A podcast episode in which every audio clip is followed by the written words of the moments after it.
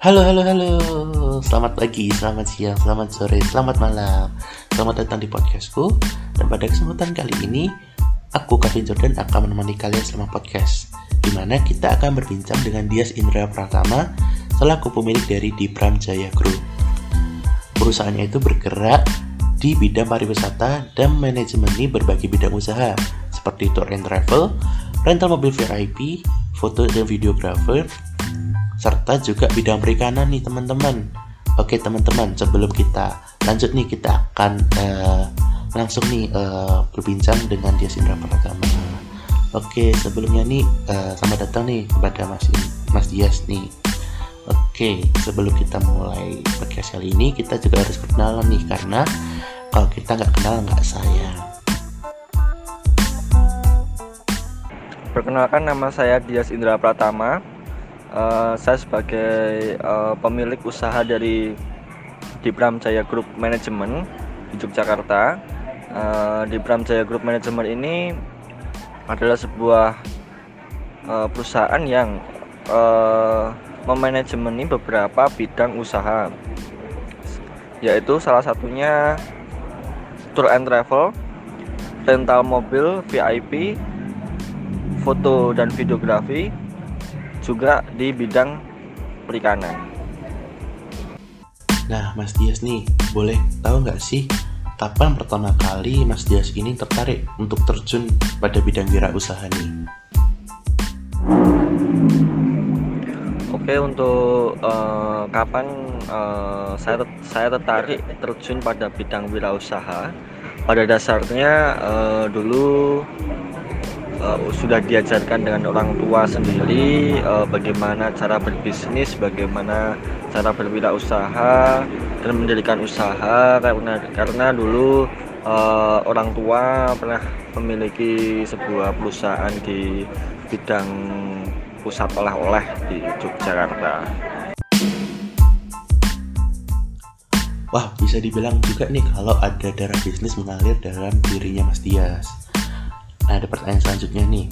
Jika dihitung, sudah berapa bidang usaha sih yang pernah dijalani dan mengapa akhirnya tertarik untuk menjalani usaha yang Anda jalani saat ini atau usaha di Jaya Group ini?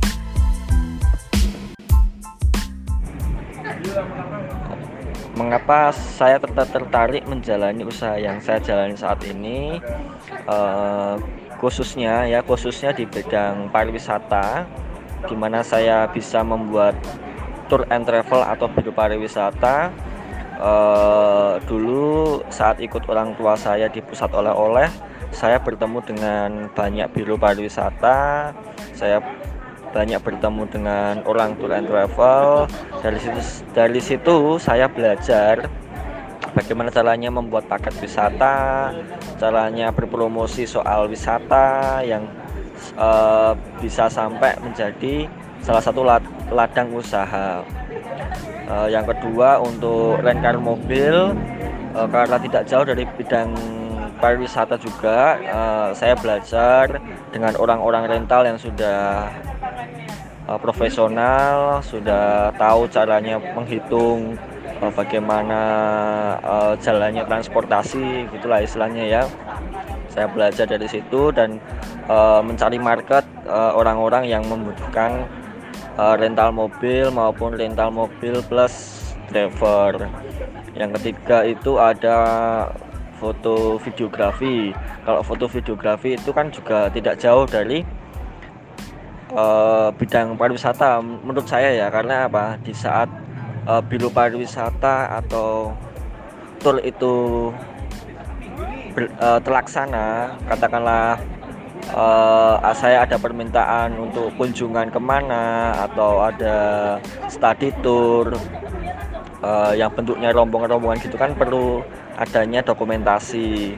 Di situ saya uh, terus menjadi uh, apa ya uh,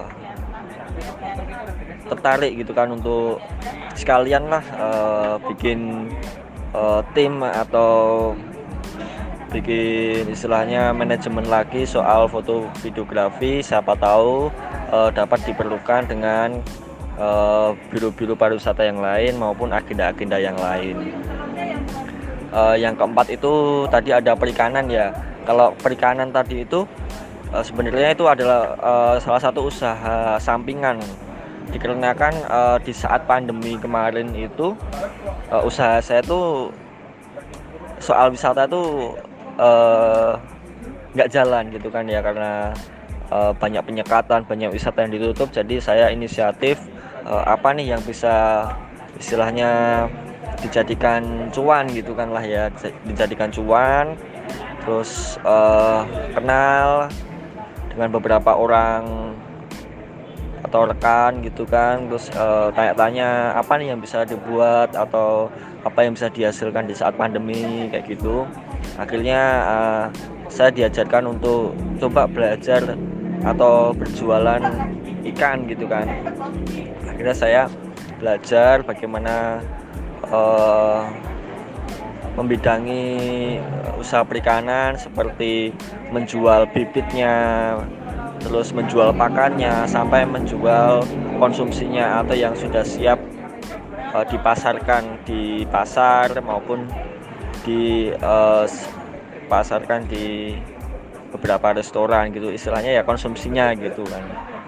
Nah dari situ uh, akhirnya dari banyak bidang yang aku kuasai akhirnya aku membentuk sebuah manajemen ya kan satu satu kesatuan gitu di mana tour and travel private car foto videografi perikanan itu di bawah manajemen di Bram Jaya Group gitu Wah, kisah yang menarik nih. Berarti Mas Dias tuh benar-benar apa namanya membangun usahanya uh, secara perlahan nih.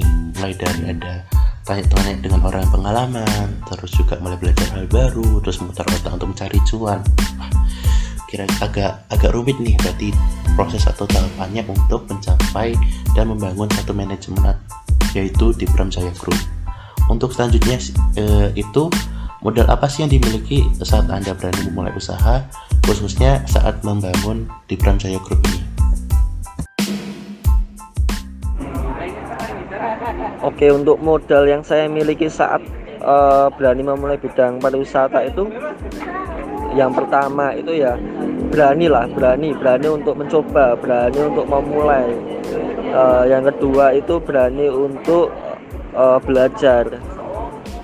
Ada kemauan untuk belajar. Yang ketiga itu tekun uh, mau menekuni bidang pariwisata itu.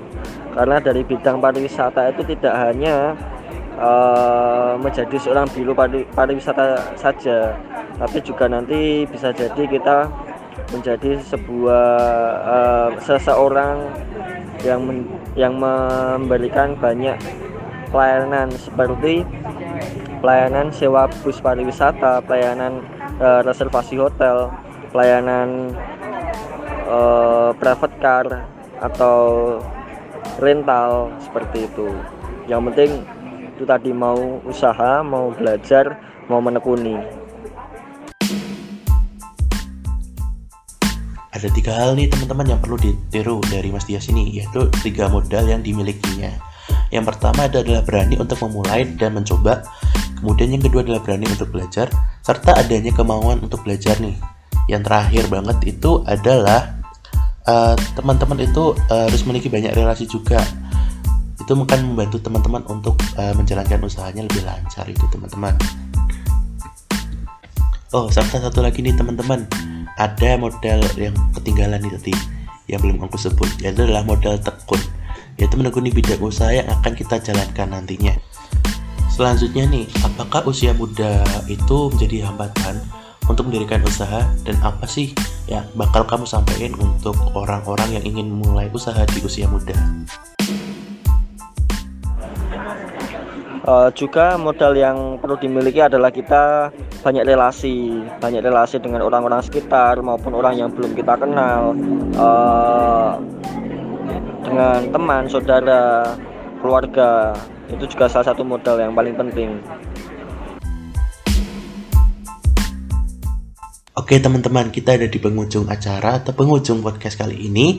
Terima kasih banget nih Mas Dia sudah sharing pengalamannya, sharing uh, segala modal dan hambatan yang pernah Mas Dias alami selama membangun usaha di Pronsai Group ini. Oke, terima kasih Mas Dias.